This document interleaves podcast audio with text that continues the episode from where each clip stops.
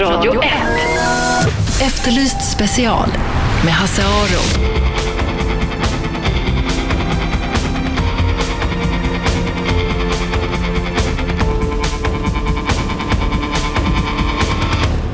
Välkomna hit, Efterlyst special. Hasaro heter jag, 101,9 Radio 1.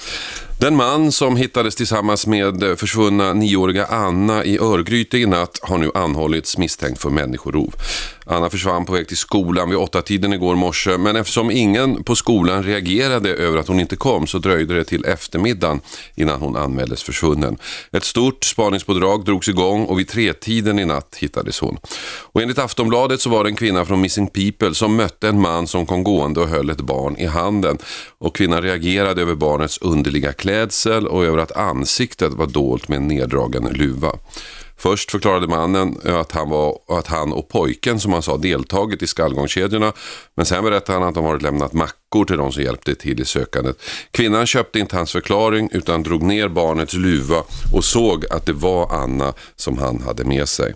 Peter Adlersson är pressinformatör på polisen i Västra Götaland och han bekräftar att mannen nu anhållits. Ja, han är ju misstänkt för människorov då. Ehm, han hämtades till förhör i natt och eh, under samtal med den här mannen och även med flickan så har åklagaren tagit ett beslut om att anhålla honom. Mm. Ni, har, ni har pratat med flickan också idag på morgonen? Ja, lite kort där. Eh, hon är hemma hos sina föräldrar för tillfället och vi ska ju naturligtvis prata mer med henne men vi ville ge henne lite lugn och ro först. Mm. Vad har han sagt, den här gripne mannen? Ja, eh, det är ingenting som jag eh, kan gå in på nu utan eh, vi eh, väljer att behålla det för oss själva ett tag framöver här. Mm. Anser ni att ni har en klar bild om vad som hänt den här perioden när hon var borta?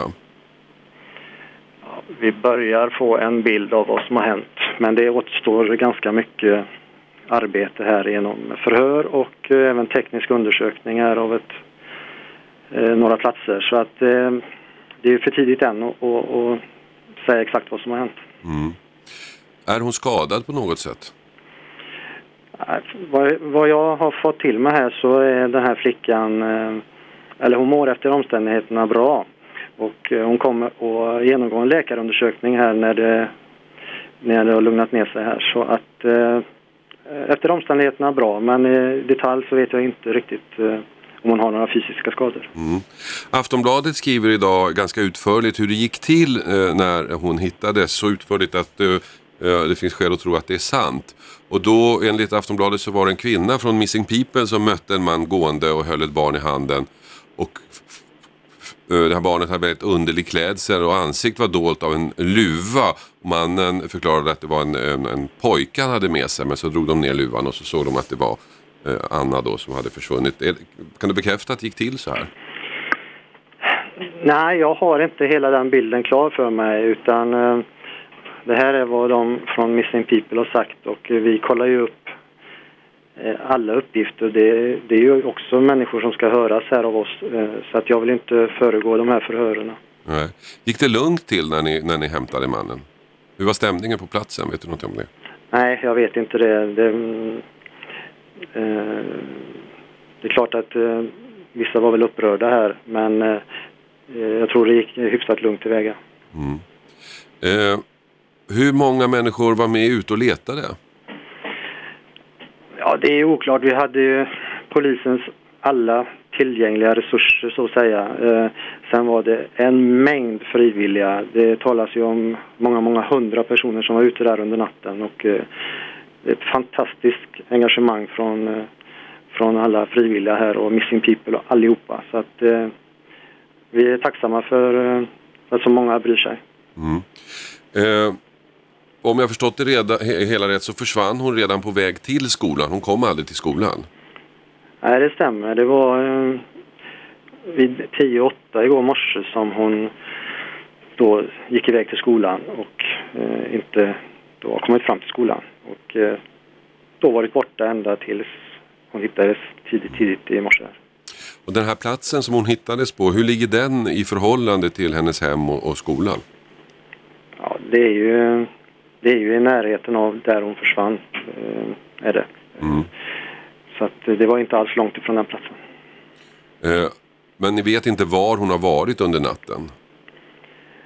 Nej, som sagt, eh, vi har ju våra arbetshypoteser här och eh, det jobbar vi ut efter nu, och, men det är tyvärr inget jag kan gå in på. Den här mannen, vad vet ni om honom? Ja, vi vet eh, att han är 24 år och eh, att han inte förekommer hos polisen tidigare. Han är helt okänd för er? Ja. Bor han i, i området? Ja, det är inget jag kan uttala mig om. Vad händer nu närmast? Ja, som sagt, eh, han har tilldelats en offentlig försvarare och det kommer att hållas nya förhör med, med mannen och som sagt flickan ska eh, läkarundersökas och vi ska prata med henne. Sen är det ju fler personer som hörs just nu och det görs teknisk undersökning. Och, eh, så vi får avvakta och se här, det är mycket jobb som återstår. Så alltså eh, polisen eh, Peter Adlersson som är pressinformatör på polisen Västra Götaland. Och det här nattens letande innebär ju då ytterligare en triumf för frivilligorganisationen Missing People. Jerry Kangasniemi är engagerad i organisationen och var med och eh, letade i natt. Eh, Jerry, hur gick det till när ni hittade henne? Uh, ja, det är precis som Aftonbladet uh, faktiskt skriver att uh, vi, eh, vi gick ut med ett larm eh, över eh, sms ut till våra anmälda frivilliga vid sjutiden. Och eh, totalt sett under eh, kvällen och natten så räknar vi med att det var ungefär 800 personer som eh, kom och gick och deltog. under, som, som mest så hade vi ja, ungefär 500 personer som var ute och sökte. Och, och, då, och den här beskrivningen att den här mannen kom då med ett barn i handen, den stämmer? Vad jag har fått till mig eh, så, är det, så stämmer det. Det var, det var tre stycken eh, kvinnor i en av våra patruller som mötte honom när de var på väg tillbaka till eh, sambandscentralen. Mm. De reagerade på den här pojken som han själv sa att det var. Jag reagerade på hans klädsel. Eh, att han hade på sig en väldigt stor bylsejacka. En eh, herrjacka. Det var inte en pojkjacka utan en herrjacka. Eh, vad jag förstod så hade han eh, även eh, tagit på Anna då jeans eh, i väldigt, väldigt stor eh, herrmodell. Eh, så de reagerade ju på klädseln. Eh, gick fram och frågade honom eh, vem han var. Och han, eh, han förklarade för mig att han och hans eh, pojke hade varit med i skallgången och eh, att de sen hade varit och lämnat mackor och ja, de fattade väldigt omgående misstankar så att de drog ner luvan och såg att det var Anna. Eh, I det läget vinkade de till sig eh, patrulledaren som han ställde sig och eh, pratade med, mannen och eh, ja, uppehöll honom på platsen tills polisen eh, kom. Mm. Det var patrulledaren vad jag förstår som larmade 112 blev inkopplad till polisens eh, sambandscentral. Mm. Hur var stämningen då på, på platsen när, när man förstod att den här killen förmodligen hade någonting med det här att göra?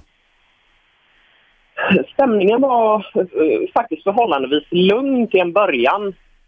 Eh, det blev ju ja, upprorsstämning, eller vad man ska säga, när, eh, när nyheten nådde sambandscentralen. Och det var ju fotografer och journalister som direkt satte i bilen och åkte upp till eh, den här platsen där, eh, där de påträffats. Och det var ju framförallt då det blev som, den här upprorsstämningen som eh, det har rapporterats om. Men, eh, och det var ju folk som tyckte att eh, det var fotografer som inte respekterade familjens eh, integritet och deras personliga sfär utan tryckte upp, tryckte upp kameror i ansiktet på både den här 24-åriga mannen då och i ansiktet på Anna. Mm. Men var stämningen hem, hetskt jämte mot mannen också?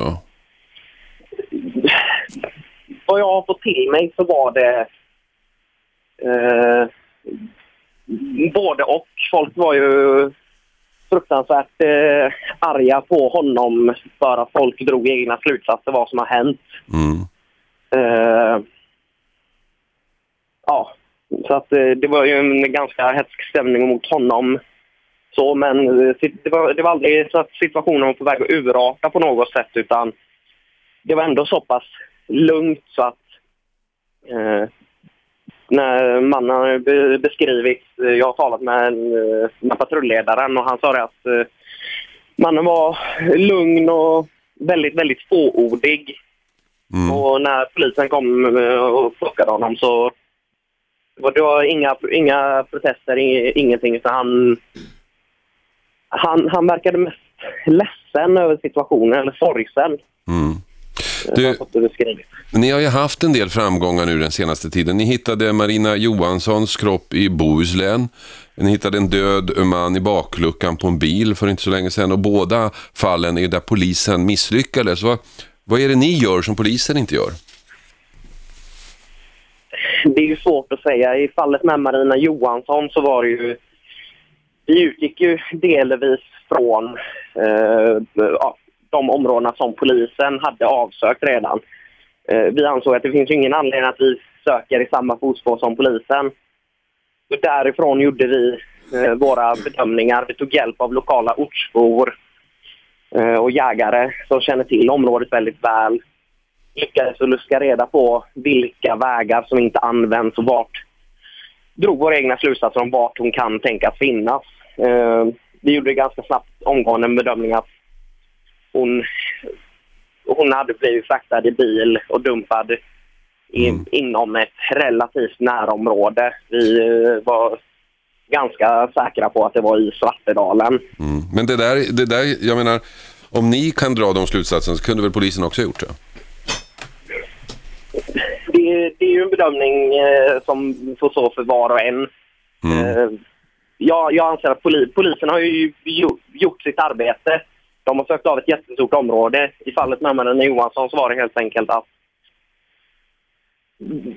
hon låg inte i de områdena där polisen hade sökt. Mm. Utan det var vi som eh, ja, hade turen, eller vad man ska säga, att leta i rätt område. Mm. Okej Jerry, tack så mycket för att vi fick ringa. Och tack för ett bra jobb i natt. Eh, Tack själv. hej. Ni lyssnar alltså på Radio 1, Efterlyst special. Vi pratar om nioåriga Anna i Örgryte som försvann igår morse och som hittades i natt. Eh, med henne var då en 24-årig man som nu under dagen har anhållits misstänkt för människorov.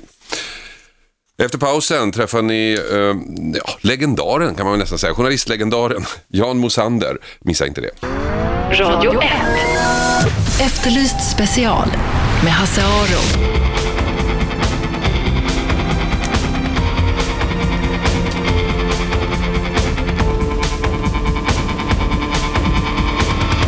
Välkomna tillbaka till Efterlyst special. Det är fredag och då brukar jag ha en fredagsgäst och det har jag idag också. Jan Mosander, välkommen hit. Tack. Jan som är mm, klassisk eh, eh, radiojournalist som vi känner igen från Sveriges Radio sedan många år framförallt.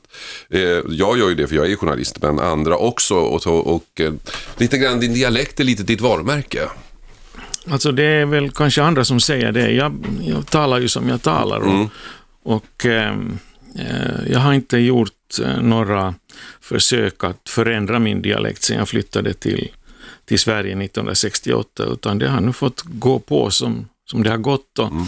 Och ehm, jag tror att ehm, jag hade fått den uppfattningen att många tycker att ehm, jag talar ganska tydligt, så att de också jag får ibland eh, kommentarer från, från damer som, som hör illa, som säger att, att dig hör man och, dig förstår man, för att du talar tydligt, men de har svårt för skånska, säger de. Så att det där, det har inte funnits någon anledning för mig att, att förändra, eller försöka förändra min dialekt. Men om man vänder på det, har det varit lätt att behålla den om du har jobbat liksom uteslutande i en rikssvensk miljö? Det har inte varit några som helst problem med det, utan jag låter som jag låter och, och sen, sen har det fått vara så. Men när du är i Helsingfors, talar du fortfarande klockren Helsingfors finlandssvenska? då talar jag kanske ännu mer eh, Helsingfors-svenska eh, eftersom det finns, eh, det finns mycket låneord i den mm. som inte går hem i Sverige och som jag då faller tillbaks i. Mm. Och så egna uttryck också som är svenska men ändå inte finns i Sverige. Ja, just det. Och dessutom, det finns också hämtat från ryskan faktiskt. Mm, mm. Ja, jag är fascinerad av finlandssvenska eh, för att min mamma var ju finlandssvenska men från Vasa så hon hade ju en helt annan dialekt än vad du har. Eh, du är född och eh, uppvuxen i Helsingfors. Det är därför du har den här dialekten i, fin, i svenska Helsingfors, finlandssvenska Helsingfors. Och det skriver du om eh, i din bok också. Eh, du gick i skola där till exempel. Berätta om Helsingfors på den tiden. Ja, det var ju väldigt annorlunda att bo i Helsingfors eh, under eh, efterkrigstiden än det är idag. Jag gick i folkskolan, alltså, ska vi vara riktigt sakliga så är jag faktiskt född, ja, född av en tillfällighet borta vid Torilsplan ja. här i Stockholm. Men, men det där, jag kom direkt som spädbarn till Helsingfors, så jag är ju uppvuxen där. Men det är klart att efterkrigstiden Helsingfors, det var, det var nog speciellt. Eh, man, eh, det var fattigt eh, på många håll. Min familj hade en förhållandevis bra ekonomi som jag förstod det. Men eh, omkring en så såg man ju att, att eh, kriget hade lämnat spår i folkskolan så hade jag i första klass, det fanns två barn som var föräldralösa och som bodde eh, på barnhem. Eh, till höger om mig i, i bänken så satt en flicka som aldrig hade sett sin pappa. Han, han försvann i kriget och Ehm, senare så en av mina bästa vänner var också, ehm, eh, hade inte heller sett sin pappa eftersom eh, pappan försvann medan hans mamma var, var gravid. Och det här fanns eh, det här fanns ju omkring en, men det var ju inget som man så att säga reagerade över eller talade över. Det, det, det fanns ju inget att, att jämföra med och jag hade ju ingen överhuvudtaget inget att jämföra med förrän jag som sjuåring för första gången kom till, till Stockholm med den här lilla Vaxholmsbåten Norrtälje, som nu ligger i Norrtälje. Och det var min första utlandsresa. Och vi, jag kom med min mamma åkande från Mariehamn, där vi var just då. Och att komma till Stockholm som sjuåring, 1951 kan det ha varit, det var ju stort och väldigt, väldigt annorlunda. Mm. Det är lustigt för att jag tillbringade en del av mina barndomsomrar just i Helsingfors. Och det Helsingfors som du beskriver känner jag igen lite grann. Eh, därför att det, Helsingfors förändrades väldigt långsamt på den tiden. Antagligen för att man hade mycket annat att stå i än att, än att liksom modernisera mm. staden. Och jag känner igen det här lite grann. Eh, beskrivningen av stan. För mig var det som om alltså, när, när stockholmare som är äldre än jag 10-15 år äldre än jag berättar om sin barndom Stockholm så är det som Helsingfors var när jag var mindre. Så att säga. Det var, man åkte 10-15 år bakåt i tiden på något sätt när man åkte till Helsingfors. Nej men så var det. Och sen var det mycket mindre. Mm. Jag kände, jag kunde Helsingfors ganska bra eftersom jag efter skolan eh, så var jag under ett par år cykelbud med blommor och, och cyklade med blommor över hela stan, också långt ut i förorterna. Men dagens nya förorter eh, är jag fullständigt borttappad mm. i och eh, det fanns ju inte heller, man har ju byggt mycket i, i hamnarna, bostäder och sånt. Det var ju inte i närheten av något sånt på, på min tid som barn ja. i Helsingfors. Nej, nu har det hänt väldigt mycket. En sak som du skriver i boken och som jag också reagerade på när jag blev lite äldre, att kriget, kriget som präglade hela Finland och Helsingfors under de åren, det var ingenting man pratade om. Nej, man gjorde inte det och, och det kan man ju då fundera över varför. Min egen pappa, han var 43 år när jag föddes. Han hade varit med redan i inbördeskriget mm. 1917 som frivillig. Sen var han med då i vinterkriget. Och jag hade liksom, jag har väl en känsla av att, att alla de som hade de där upplevelserna eh, de var rätt trötta på alltihop. Mm.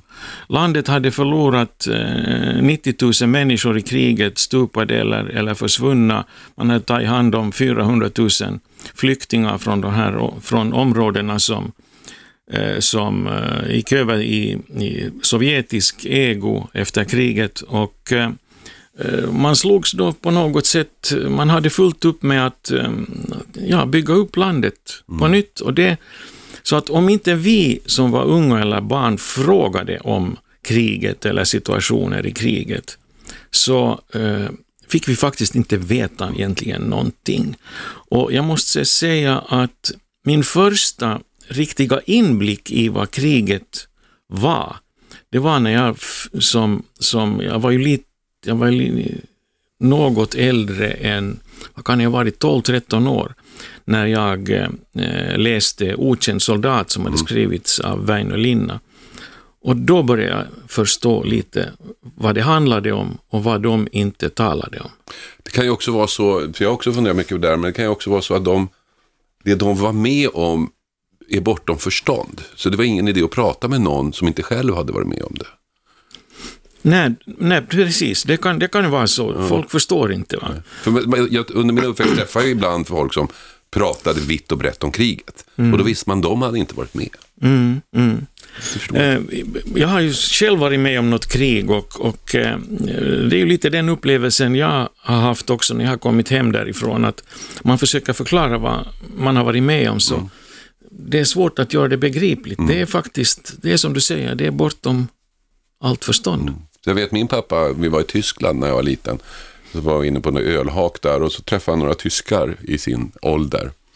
Eh, och han pratade tyska med min pappa. Och de pratade om kriget. För de hade, och då pratade de länge med varandra. För de hade varit med även om de var brittiska. Gemensamma upplevelser. Ja, på olika sidor mm. och på olika ställen. Men ändå, mm. de, de hittade någon slags gemenskap där de kunde prata om. Och det var där jag tänkte på det. Det är kanske därför de inte pratar om det. För att det är ingen idé.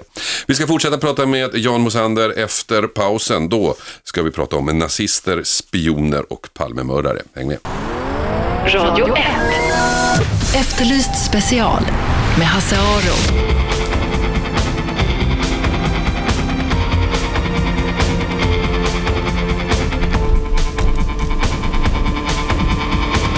Välkomna tillbaka hit till Radio 1 Efterlyst special med fredagsgäst idag Jan Mosander, journalist som har skrivit en bok nu precis som kommer ut i dagarna som heter Bland spioner, kommunister och vapenhandlare. Eh, lite av en, eh, lite, lite memoarer eller? Ja, de här kapitlen, de ska man ju faktiskt, 17-18 kapitel, mm. de ska man ju faktiskt kunna läsa fristående, mm. skilt för sig. Va? Men, men det är ju det är ett antal eh, händelser som har väckt stor uppmärksamhet och som, men där allt inte är berättat. Sen är det ett antal händelser som inte har väckt uppmärksamhet men som borde berättats. berättas.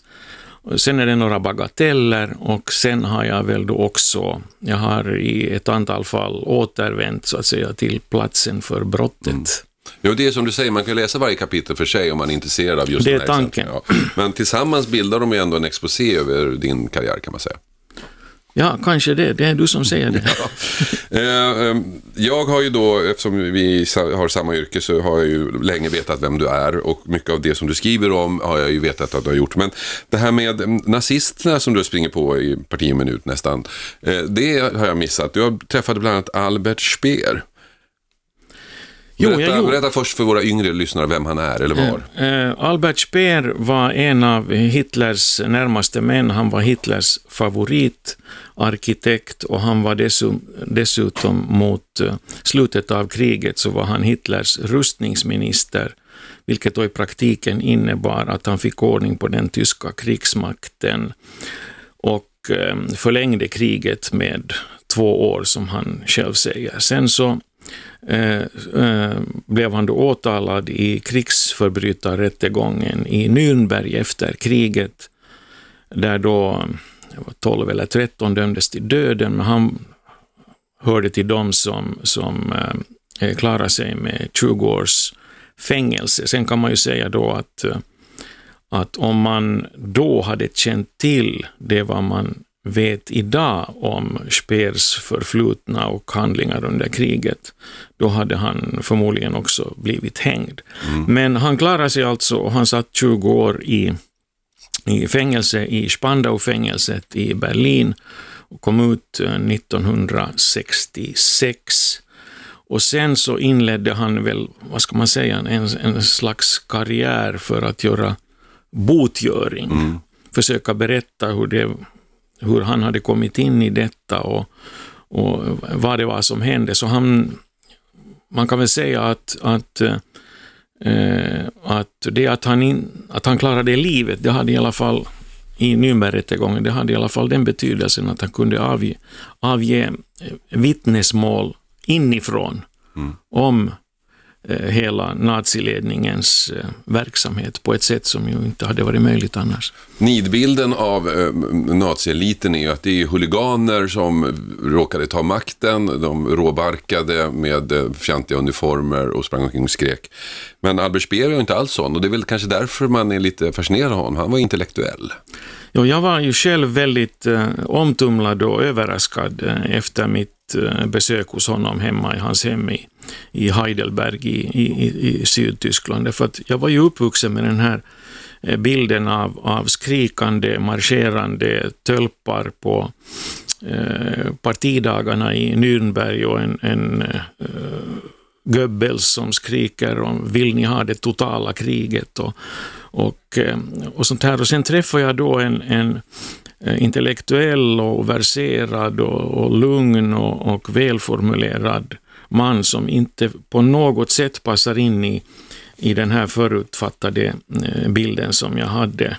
Och det där fick ju mig då att, att fundera lite över hur det kan komma sig att, att folk ändå drogs in i nazismen på det sättet som de gjorde. Men det måste ha funnits andra också med samma typer av karaktär som den ganska lugne och intellektuelle Speer som hade som fanns med i bilden kring, kring nazismen. Och skulle jag då, skulle jag själv kunna bli förförd mm.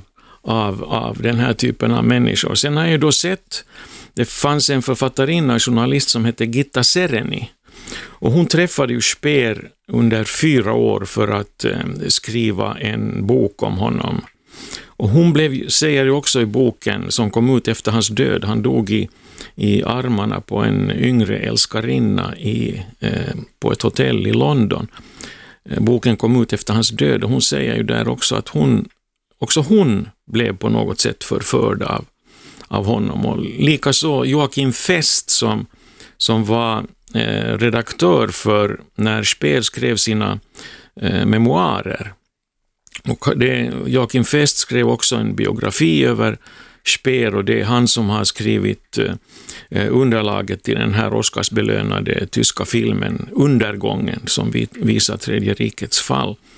Eh, Fest, han kom heller aldrig, tyckte han, riktigt in på livet på, på Speer. Eh, och, eh, så att jag, jag var nog inte den enda som, eh, som blev tagen av, av hans eh, eh, av hans framtoning. Ni lyssnar på Jan Mosander här i Efterlyst special, min fredagsgäst denna vecka. Journalist som har kommit ut med en bok bland spioner, kommunister och vapenhandlare. Men du, det här att intellektuella eh, människor dras till makten även om den är totalitär. Eh, det var ju inte bara i Nazityskland utan jag menar om du utan jämförelse i övrigt så var det lite så i DDR också där eliten hade en intellektuell eh, krans kring sig.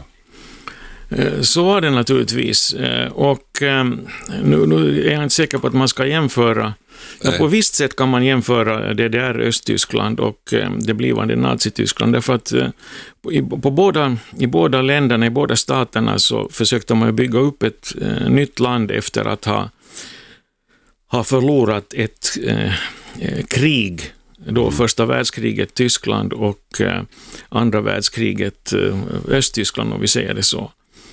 Och det kan ju då ha samlat folk på ett, eh, på ett eh, speciellt sätt. Eh, sen var det ju så då att, eh, att de ledande kommunisterna i, i, i det nya Östtyskland, de hade tillbringat det mesta av, av krigstiden i exil i Moskva. Och de kom som någon slags, eh, vad ska man säga, inte räddande, men någon slags, eh, eh, de var inte besudlade på samma sätt som de gamla nazisterna när de kom till Östtyskland och började eh, ta itu med, med sitt nya land. Sen fanns det naturligtvis i, i Östtyskland massor av, av kappvändare också som med ett vått finger i, i, i luften ganska enkelt gick över från nazismen till kommunismen. Du skriver en hel del om Östeuropa då eh, under järnridån i din bok och det tycker jag är viktigt, eh, bra att läsa om.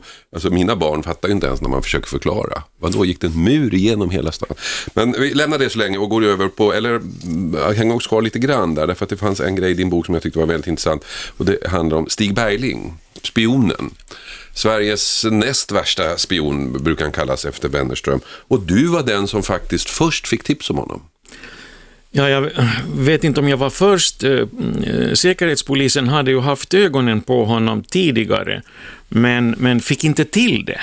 Mm. Eh, på något sätt. De hade missat honom. Och eh, i, i, mitt fall var det så att, att jag fick ett, ett tips från en gammal finländsk spion som hade, från kriget som, som bodde på Mallorca och han hade då på olika sätt, ganska märkliga omständigheter, blivit bekant med, med Stig Berglings eh, före detta fästmö. Mm.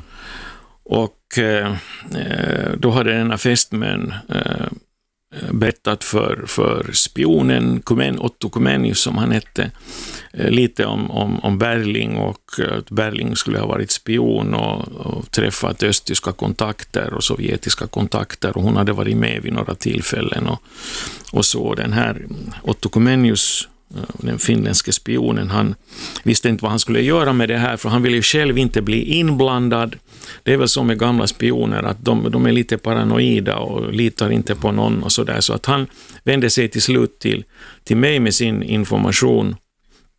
Eh, och eh, eh, jag visste ju inte riktigt heller hur jag skulle hantera det där. Det var ju, tanken var ju att jag skulle söka upp den här före detta fästmön eh, på hennes arbetsplats. Hon jobbade på Marimekko, i, som då hade en affär i, i gallerian på Hamngatan.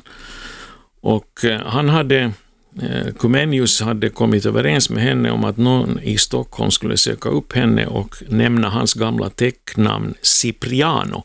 Mm. Och då skulle hon förstå vad det handlade om och då skulle hon berätta sin eh, eh historia då i god ordning så att den kunde noteras och så.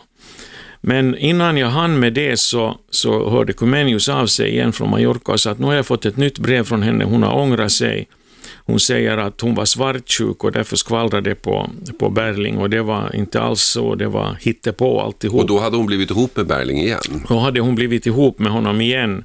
Eh, trodde då Kumenius, vilket mm. Eh, så var det ju också. Så jag var ju titta på henne där i Marimekko, där i affären, men jag kunde ju inte göra något. Då. Frågan var då, jag löste det sen på det sättet att jag skrev en promemoria där jag höll undan Comenius då, som var min källa, för han hade ju krävt då källskydd enligt grundlagen. Jag var journalist.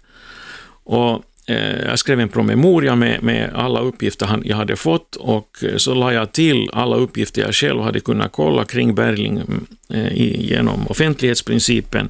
Det fanns väldigt mycket som, som stämde. Mm. Och så lät jag en mellanhand som jag kände och som jag visste att hade kontakter med Säkerhetspolisen ta hand om den här promemorian och ge den till Säkerhetspolisen under löfte om att inte nämna mig. Mm.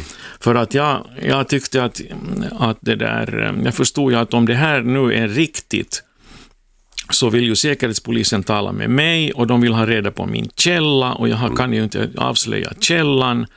Och eh, avslöjar jag inte källan så finns det stor risk för att jag får telefonavlyssning på mig. Och det är inte bra för en journalist och reporter att ha sin telefon avlyssnad med tanke på att det är så många människor som, som ringer en som inte så att mm. säga, som vill vara anonyma.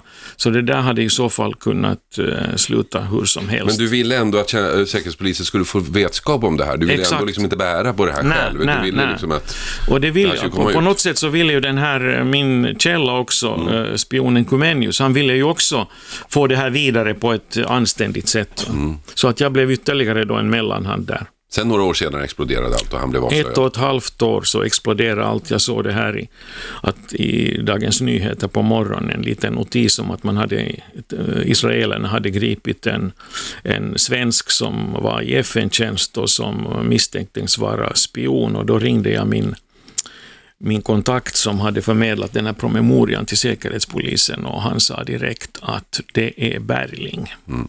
Sen kom Berling hem, blev dömd, satt i fängelse och rymde och sen såg vi inte honom för många år senare. Det var ju en spännande historia alltihop. Ja, det var, det var, det var en... en och, och, att det här rymningsförsöket lyckades, det, det, det, det är ju lite obegripligt. Det, på något sätt hur man sjabblade. Mm. Eh, man, satt och, man, man satt och spanade på ena sidan och så gick han ut på baksidan. Ja, just det. Och Den, tog Finlandsbåten. Tog Finlandsbåten, eller Ålandsbåten egentligen. Ja, ja. För att han sov ju över en natt på, eh, på Åland, okay, på Sovjetkonsulatet i Mariehamn, innan han tog båten vidare till, till Finland. Ni lyssnar på Efterlyst special. Jan Mosander, reporter, journalist som nu har kommit ut med en bok Bland spioner, kommunister och vapenhandlare. Det pratar vi om. Vi kommer att fortsätta prata om det efter eh, pausen. Då ska vi bland annat ta upp eh, en, som jag tycker, mycket intressant man i den svenska brottshistorien, Lars Tingström, den så kallade bombmannen. Det finns de som hävdar att han var hjärnan bakom Palmemordet. Radio 1. Efterlyst special med Hasse Aro.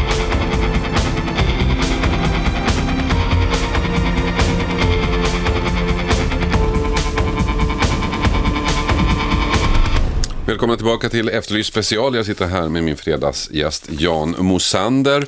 Eh, journalist, reporter på Sveriges Radio i många år. Eh, ni vet han som pratar finlandssvenska. Bland spioner, kommunister och vapenhandlare heter den bok som han precis har släppt eh, som typ igår. Den boken handlar om många olika historier som eh, Jan har varit med om under sin journalistiska karriär. Och en person som du har träffat som jag tycker är väldigt intressant är Lars Tingström, den så kallade bombmannen. Han, eh, han var anklagad för ett antal bombdåd och blev fälld för ett antal bombdåd. Men han var också offer för en rättsskandal som idag inte alls hade passerat. För att under en av rättegångarna där hans fästmö bland annat vittnade så hade fästmön ett förhållande med åklagaren vars villa sen exploderade. Alltså när man berättar det här idag så tror inte folk det är sant, men så var det faktiskt. Jo, det var ju så. Och, eh, och eh, sen råkade det sig också så att, eh, att jag tillsammans med en kollega som, som heter Göran Elvin, som nu är avliden, vi jobbade ihop på TV. Och det blev faktiskt så att det var vi som, som äh, avslöjade den här historien med, mm. med äh, fästmön och åklagaren. Och då satt ju äh, Tingström ju redan äh, i häkte, han var väl dömd också. Han satt i alla fall i mm. häkte och väntade på, på, på äh, rättegångar och domar. Äh, då hade han väl faktiskt, jag kommer inte ihåg hur många domar han hade på sig redan då, men men eh, ja, det var 1980, kan det ha varit, 86. Mm. Mm. Han, var ju, eh, han blev ju dömd för ett antal bombdåd mot eh, skatt Skatteverket mot... Uh, ja, inte Skatteverket tror jag. Jag tror att han klarar just Skatteverket. Ja. Det var hans medhjälpare där. Ja, just det. Den här en finländare också. Där, som sprängde sig själv i luften. Ja, just det. Och, men uh, åklagarmyndigheten i Nacka och sen så den här åklagaren som hade... Kronofogden i Nacka. Kronofogden, förlåt. Kronofogden i Nacka och sen villan som ägdes av åklagaren. Ja, just det. Där krävdes ett dödsoffer. Just det.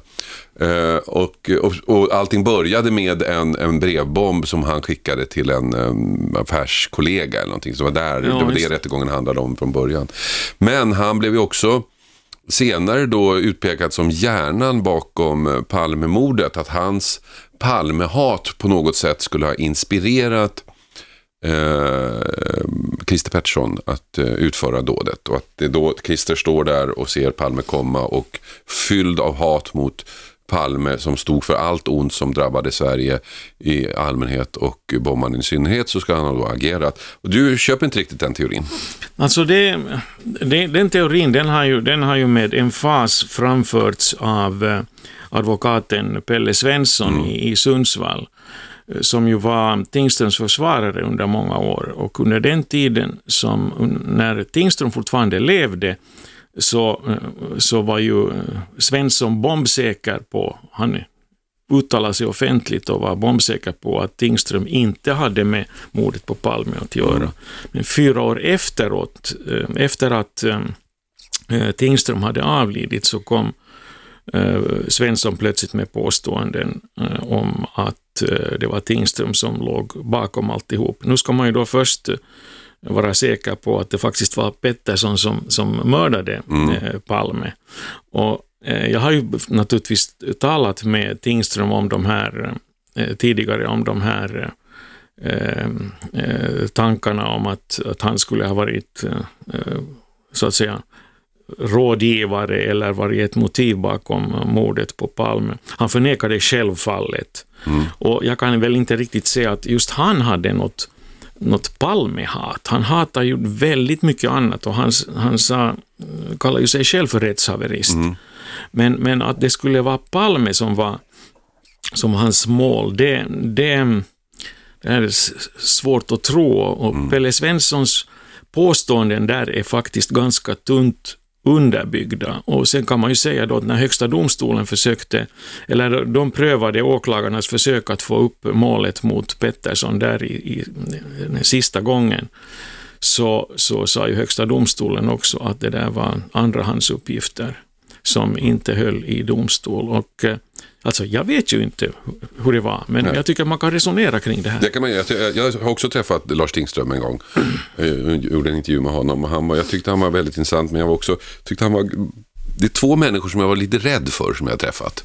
Den ena var en rysk mördare och han såg verkligen ut som en rysk mördare, så det hade vem som helst varit rädd för. Och den andra var Tingström faktiskt, som jag tyckte var lite rädd. Lite läskig. Du, nu eh, har du pensionerat dig vad jag förstår eh, efter en lång eh, karriär då i svensk journalistik. Eh, det sker ju ett, en stor förändring inom journalistiken just nu. Och eh, jag tror man kommer att prata om den gamla stammen och, och den nya stammen journalister med tanke på att allting förändrats. Eh, hur ser du på det? Alltså man, man talar ju då framför allt om att, att äh, papperstidningarna kommer att försvinna. Mm. Etermedierna äh, kommer att vara kvar och påverkas ju inte alls på samma sätt som, som papperstidningarna. Och äh, det digitala tar ju över där. Men mm. problemet här är ju att det måste fortfarande finnas människor som producerar det som ska visas i TV, höras i radio och eh, visas eh, eh, digitalt. Alltså det finns, eh, det måste finnas folk som kan göra journalistik av betydelse. Mm. Nu har ju då tidningarna, de, om de övergår till digital visning så att säga, så då sparar de ju papperskostnader och distributionskostnader.